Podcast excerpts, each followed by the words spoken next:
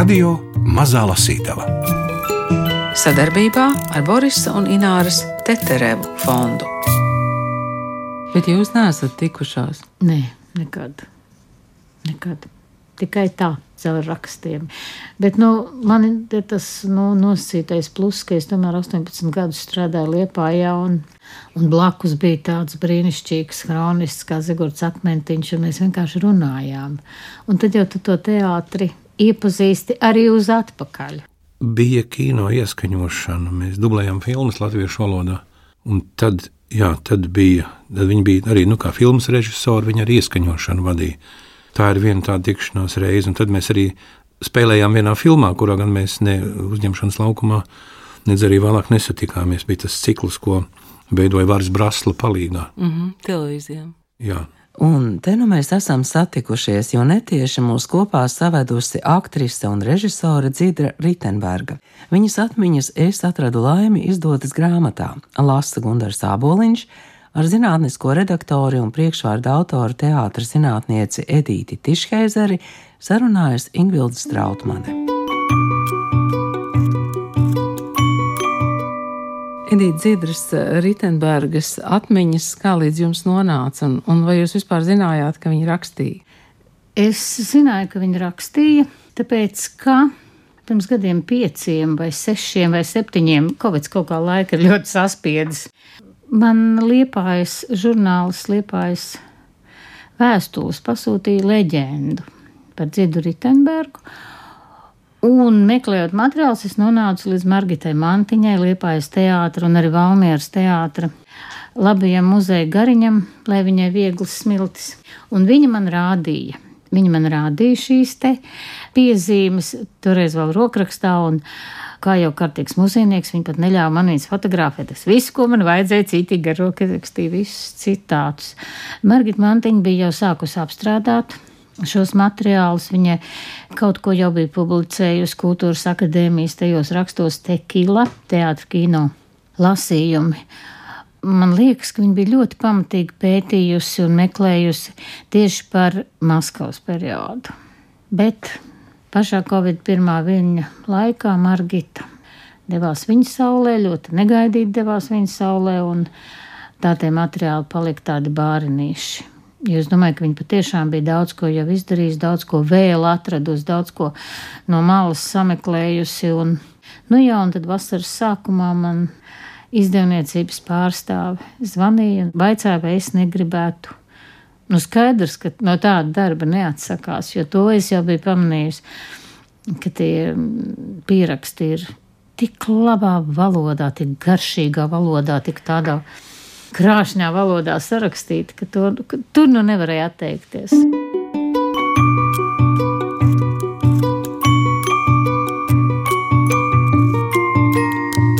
Radio Mazā Lasītava Tu varētu tagad par to mm, skolu drusciņu palasīt, un tad mēs tiksim līdz Liepājas teātrim, līdz eh, Malvai un Kannām. Jā, es varbūt drusku agrāk sākšu, man te divas rindkopas iepriekš. Gāja gadi, un no mazā tuklā meitēniņa izveidojās slaida pusaudze. Tikai viņu vairs nesauc par mīļmeitiņu, kā bija iesaucis tēvs. Viņa bija džuks skolā, bet mājās dzidrums. Mazais brāļuks paudzies mīlīgs, labs puika, sauca māsa, māsa, bet vēl vienmēr pinās pa kājām. Mamma strādāja dienu un nakti, iemiegot un pamostoties, vienmēr bija dzirdama šūmašīnas tarkšķēšana. Mūsu dzīves līmenis bija vidējs. Ēdām vienkāršu barību, rudzu maizes rieciens ar biespienu mums garšoja tikpat labi kā vienam otram kūkas. Svētdienas rītos uz galda bija arī sviests dzērām baltu cigoriņu kafiju un gājām uz baznīcu.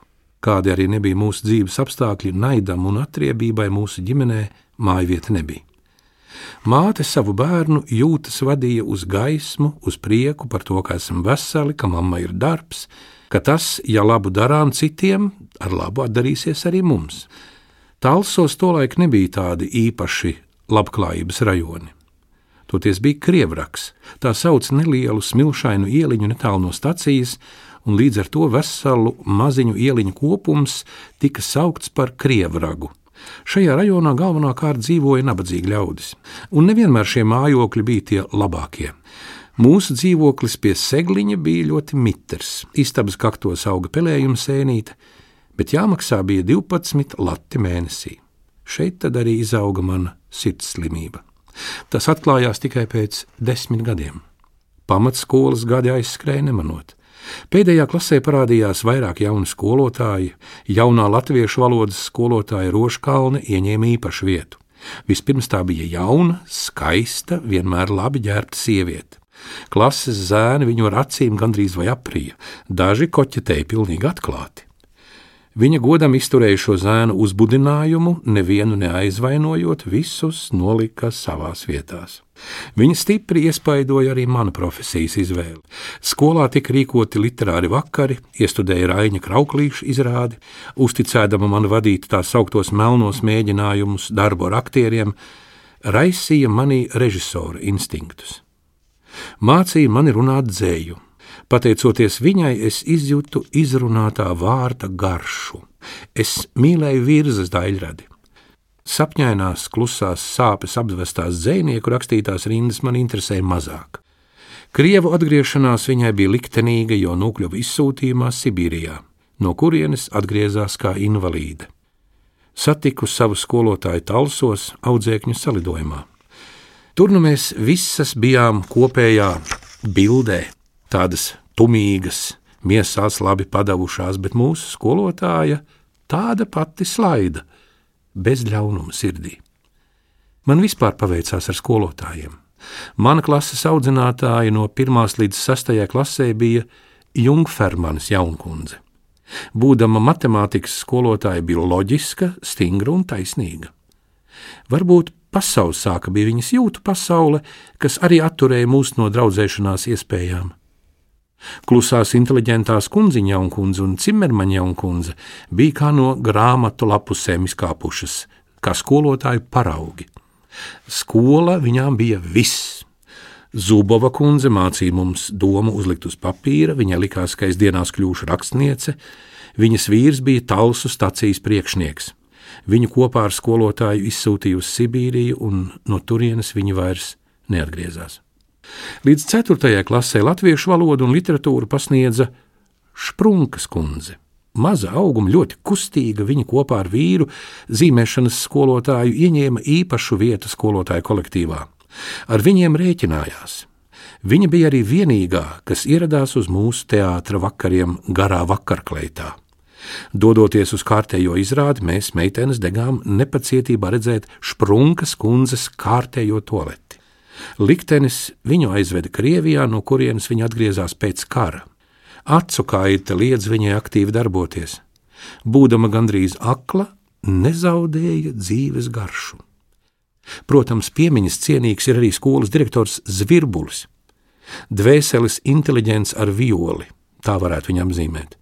Mācot mums dziedāšanu, viņš vienlaikus uzskatāmi demonstrēja lielas personības pamatiezīmes.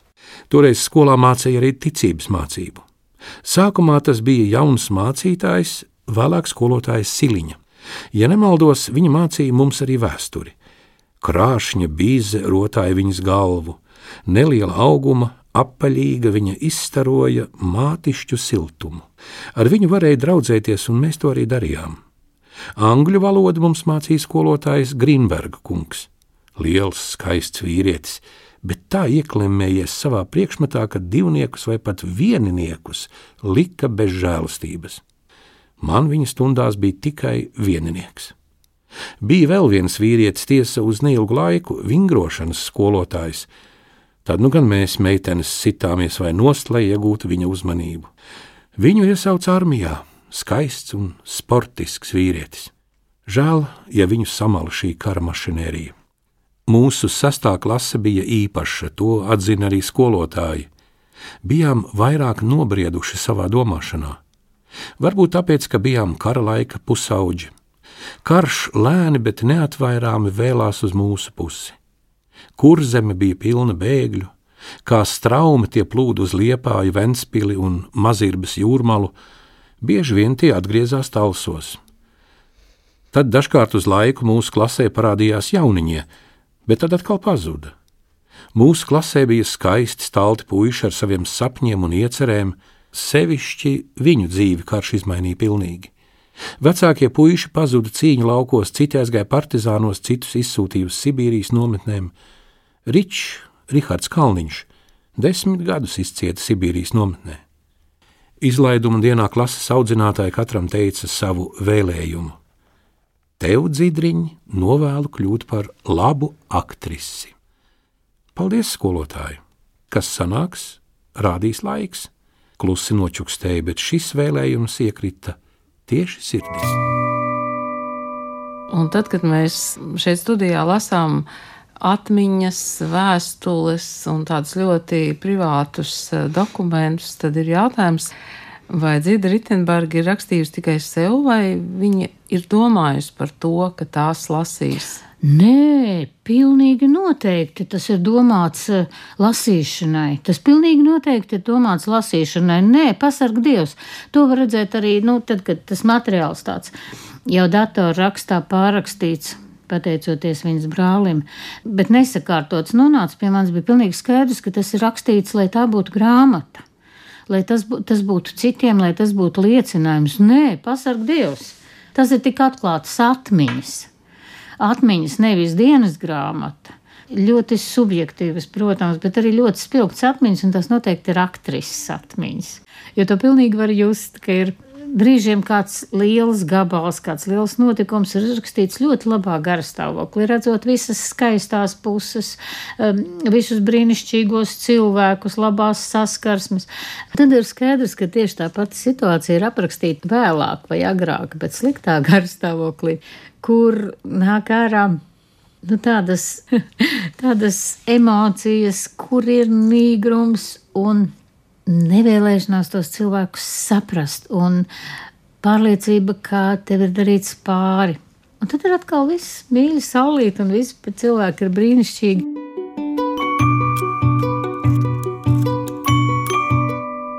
Ienākšana Liepājas teātrī. Vispār mūsu ierašanās Liepājas teātrī bija liels kurjos. Rīgā mūs angažēja rakstnieks, dramaturgs Saulis Kalns, teātras literārās daļas vadītājs, Tika norunāta konkrēta alga, pat lomas nosauktas, ko spēlēsim jaunajā sezonā. Izrādās, ka ne teātris direktors, ne arī galvenais režisors Kārlis Piesis nebija viņu pilnvarojuši šādam pasākumam. Mūsu teātrī negaidīja, bet mēs bijām te. Gods teātra vadībai, kura nelika mums to manīt. Tikai vēlāk uzzinājām, ka šo afēru, kā izteicās režisors Nikolais Mūrnieks, Saules kalns izkārtojas speciāli bet Saules kalns staigāja smaidīgs un mūs iedrošinot atkārtoja uz priekšu. Teātris sezonu uzsāka 1. septembrī. Izrāžu nebija, bet sākās sagatavošanās sezonas atklāšanai. Izrāde, ar ko vajadzēja uzsākt jauno izrāžu loku, bija Blaumaņa ugunī. Mēģinājumi notika pilnās dekorācijās. Bija jāsākas ģenerāla mēģinājumam, mūrnieks atradās jau skatītāju zālē, lai ar vienu aci paskatītos, kā tas notiek, palūdzām Saules kalnam atļauju. Mūs ielaida direkcijas ložās zāles beigās un piekodināja būt klusām. Uz skatuves jau bija uznākuši Edgars, Pauls Zālītis un Kristīne Irmgārda Mitrēvica. Nepagubām pat apsēsties, kad Edgara lomas tēlotājs niknumā iesaucās: Ar viņu nav iespējams spēlēt, augsta kā ledus, te vajadzīgs prīmus, lai viņu uzsildītu. Mūrnieks iesaucās priekškaru. Redzēju, kā mūrnieks devās uz skatuvi, no kurienes atskanēja elsas un saucieni: Koļa, koļa! Skrējām abas pie saules kalna, izstāstījām notikušo un lūdzām, lai klusē. Mājās apspriedām notikušo un nācām pie slēdziena, ka vienkārši ir tikai pirtī, kur viss ir vienādi pliki. Nākošā dienā devāmies oficiālā pieņemšanā pie teātra direktora un galvenā režisora Kārļa Pieša. Taisījāmies kā uz preses balli. Sadzīvē nekad nelietoja krāsas. Jaunībā daba pati visu dod. Šoreiz ar vilmu nolēmām nedaudz iekrāsot acis. Efekts bija milzīgs. Uzvilku baltu vasaras mēteli un ap galvu apseju melnu šalli, jo mati bija atauguši un izskatījās nekopti. Vaina bija meklējama plānajā naudas maciņā. Izskatījās neparasti, un, kā teica Vilmuks, ārzemnieciski. Viņa pati vairāk atzina sportisko stilu. Pelēks zaļgans kostīms, balta blūzīte un cirtoti mati kopā viņai deva īstas dāmas izskatu.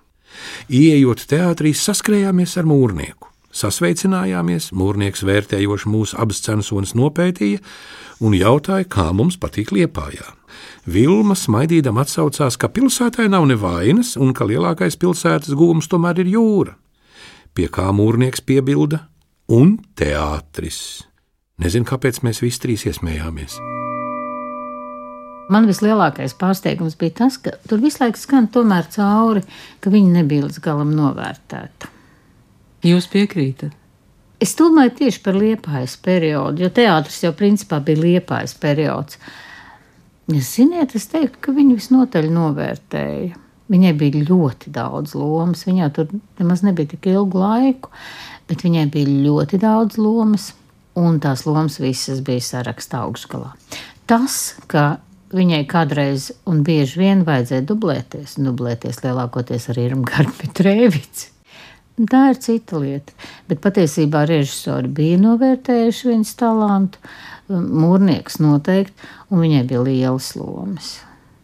Jā, no tām kino lomām droši vien um, visvairāk uh, televīzija atkārto filmu Mans draugs nenopietnas cilvēks, kur mēs mhm. varētu teikt, nu, tur viņai ir ļoti laba rakstura loma, bet uh, nu, tas jau ir vēlāks laiks, tās viņas lielās mm. spožās lomas Laikam reti var redzēt. Nu, malvu es nezinu, nu, kurš šodien var principā, redzēt. Principā Mierīgi, redzēt ja? var visu. Uh mhm. -huh. Arī es, eh, tad, kad rakstīju, noskatījos vēlreiz, nu, vēlreiz pirmo reizi noskatījos malvu internetā, un patiesībā es biju ļoti pārsteigta par to, cik tā filma, cik tā filma ir tāda patiesa, novecojusi ļoti maz. Nu, protams, ka kaut kādas lietas tur noveco, kaut kādas. Bet patiesībā tur bija tikai viena lieta, kuras noteikti nebūtu. Tur zvejnieku sievas dziedāja profesionāli koru balsīs. Mm. Bet citādi, un aktieru spēle un montāža, nu, cik no es varu par to spriest, tas viss noteikti bija ļoti augstā līmenī, un ar viņas partneri man patika, un nebija nekāda tāda bosiku romantika jo tie ir tādi nabadzīgi zvejnieki. Viņi patiesībā tādi nabadzīgi zvejnieki arī bija, un nekādas izskaistināšanas, nu, gandrīz varētu teikt, nebija.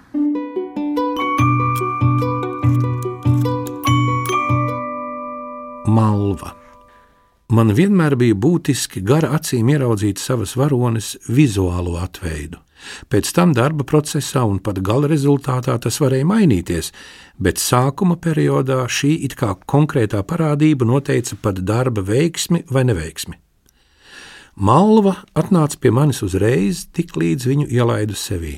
Raupja, vēja appūstu seju, izbalējušos katūna lindrakos, viņa brīda pa balto irdeno liedaga smilti, stingri atsperoties uz pliko pēdu papēžiem.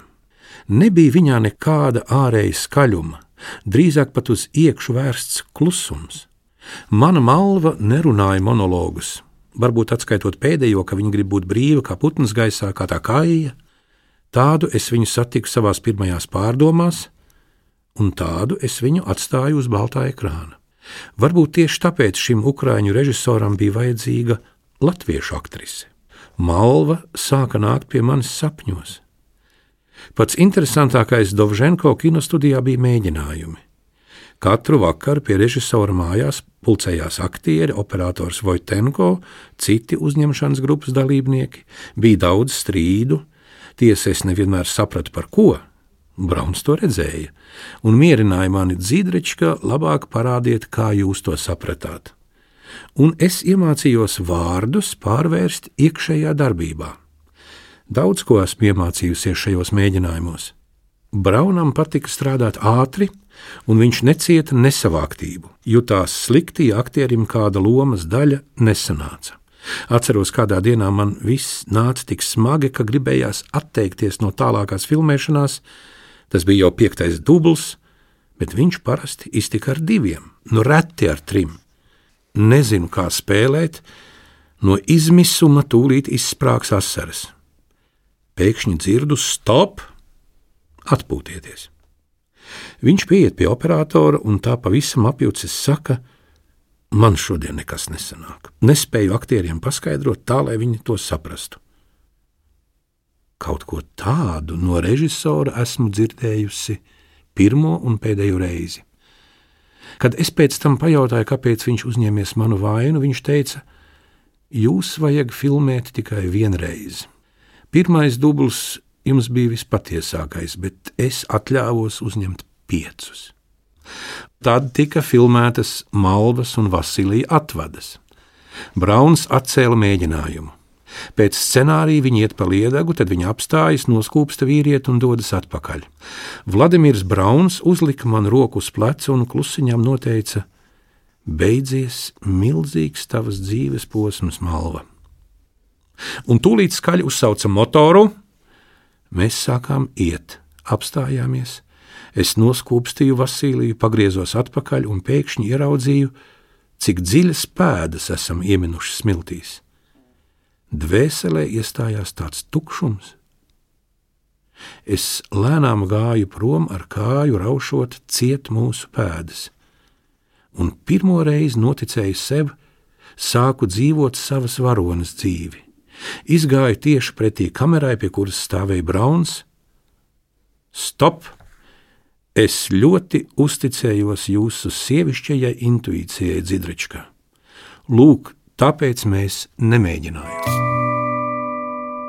Es domāju, ka tieši tās lapus, kur viņi raksta par darbu, var visvairāk novērtēt, cik viņa bija, hm, nu kā lai to saka, Darbā tolerants cilvēks. Es domāju, ka varbūt dzīvē tas tā nebija.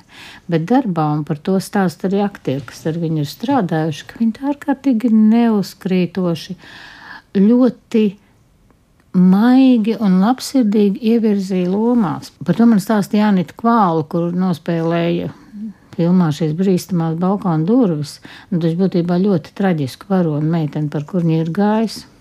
Iedomājieties, cik šī filma ir aktuāla šobrīd. Meitene, par kuru ir gājis un patiesībā kur mirst. Nu, beigās, laikam, tur izņēma tā, ka viņa gluži nemirst, un galvenais varonis gluži neizlēc pa logu, bet, nu, Zida Ritenberga vismaz tā bija iecerējusi. Un Anita stāstīja, cik maigi, saprotoši, profesionāli viņa ievadītajā lomā, ka Anita pat īsti nav sapratusi, cik tas ir patiesībā traģiski. Nu, kā jau mēs dzīvojam, mēs dzīvojam to brīdi, un, un tikai pēc tam skatoties, redzam, ka tā bija laime, tā bija traģēdija. Un tieši tā viņa ievadīja ar aktrisi, lomā jaunu aktrisi, nepieredzējušu aktrisi. Man bija ļoti, ļoti pateicīga Zidai Ritenbergai. Un, teica tādus labus vārdus, ka viņa bija skaista, joprojām tāda krāšņa, tāda pilnasimīga, nesaskaldīta būtne, tāds ļoti skaists sieviete, jebkuros, jebkuros apstākļos, jebkuros gados. Francija, Kannu festivālā. Par visu, kas notiktu ar mani, ja nebūtu atnācis kino, es domāju, staigājot pa Kannu festivālam uzkopto bulvāri. Te nu es biju, kā man likās, pasaules viducī un bez stiprās rokas. O, nē, Mana stiprā roka smaidīja no krāsainas afišas filmu reklāmā, un Volpī tur bija uzrakstīts krietni lielākiem burtiem nekā mans uzvārds. Mani gaidīja tā sauktā priekšā stādīšana pārējiem festivāla dalībniekiem. Tas bija vesels ceremoniāls. Kad es ierados, notika gatavošanās iepazīstināšanai ar Džīnu Lolobrigīdu. Sevišķi aktīvi bija preses pārstāvi. Katrs centās ieņemt izdevīgāku vietu. Arī es vēl nebiju iepazīstināta, tam vajadzēja notikt kopā ar Džīnu. Vispār uz festivālu bija jāierodas agrāk, bet mani aizkavēja filmēšanās Kijavas filmā Negaiss pār laukiem. Tādējādi ierados nedēļu pēc festivāla atklāšanas. Lai gan biju labi sakopta, safrizēta un man mugurā bija labi šūta vakarkleita, kas mūsu mājas apstākļos skaitītos eleganta un dārga, jutos īpaši nelāgi. Šīs nedēļas laikā manī jau bija radusies apjausma par man svešās pasaules paražām un tikumiem. Kad vakarā festivāla pilī ieraudzīja aizkulisēs pazibām pazemo džinas stāvu, krāšņos dārgakmeņos un bezgala kuplās sarkanā tafta vakarkleitā, Man kļūpa pavisam bēdīgi ap sirdi. Preses pārstāvji riņķoja ap viņu kā dunduri karstā laikā. Sākumā pieteica mani, un te nu es atzimu. Dzirdot vārdu volpī, sapratu, ka nesmu te lieka. Jā, tas ir mans, šis volpī kauss, nevienam nezināmai jaunai aktrisei no Rīgas. Nu, tu vari čaukstināt savu sarkano tafta kleitu un mirdzēt dārgakmeņos džina. Tev viņa nav. Nezinu, no kurienes traks emociju vilnis pacēla manu dvēseli un iztaisnoja mugurkaulu. Es lepni izslējos, zāle aplaudēja, bet tad jau nāca arī džina, un mana svētku sajūta noslāpa neiedegusies. Skatītāji auroja un klapēja tik bezdevīgi skaļi un ilgi, ka ausis krita ciet. Džīnas stāvēja nesatricināmā mierā un vēsu skatu vērās zālē. Viņas seja bija skaisti iekrāsota un pilnīgi nekustīga. Vēlreiz es to ievēroju par godu mūsu delegācijā rīkotajā itāļu lenčā, kur arī viņi piedalījās. Presa lēkāja ap skatuvi, zipspuldzes mirgoja vienā laidā, Es atgāju malā, lai netiktu apgāsta, un tikai viens mani centās pierunāt, pagaidīt, kad džina nonāks no skatuves, lai uzņemtu kopēju bildi. Es pavilku viņu līdz aizkulises malai un norādīju uz džīnas nekustīgo, augstprātīgo sejas izteiksmi. Pagriezos un iegāju zālē. Atlikusī nedēļa aizskrēja ātri. Zināma kļuva sakāpināta aizkulisku cīņa par zelta balvas iegūšanu, balses tika pirktas un pārdotas apmēram tāpat kā politisko darboņu ešalonos. Bijām brokastīs pie kolosālās franču aktrises Becijas Blēras uz viņas personīgās jahtas. Kopš tās dienas var apgalvot, ka lielie jūras omāri ir neiedomājami garšīgi. Par Dzīdras Ritenbergas kino pēcvārdu rakstījusi Daira Āboliņa. Dzīdras Ritenbergas atmiņas Es atradu laimi izdevuši Latvijas mēdī. Stāstīja teātras zinātniece Edīte Tišheizere, vairāk kārt pieminot, ka šīs atmiņas glabājusi un par to kontekstiem domājusi Margita Mantiņa teātra muzejā. Es domāju, vai viņi ir atradusi to vienu bildi, kur viņi ir Pēterburgā tādā pilnīgi fantastiskā. Viņai ir šis te um, vakartērps Mm -hmm. ar tādiem atklātiem pleciem. Fantastiski, absolūti.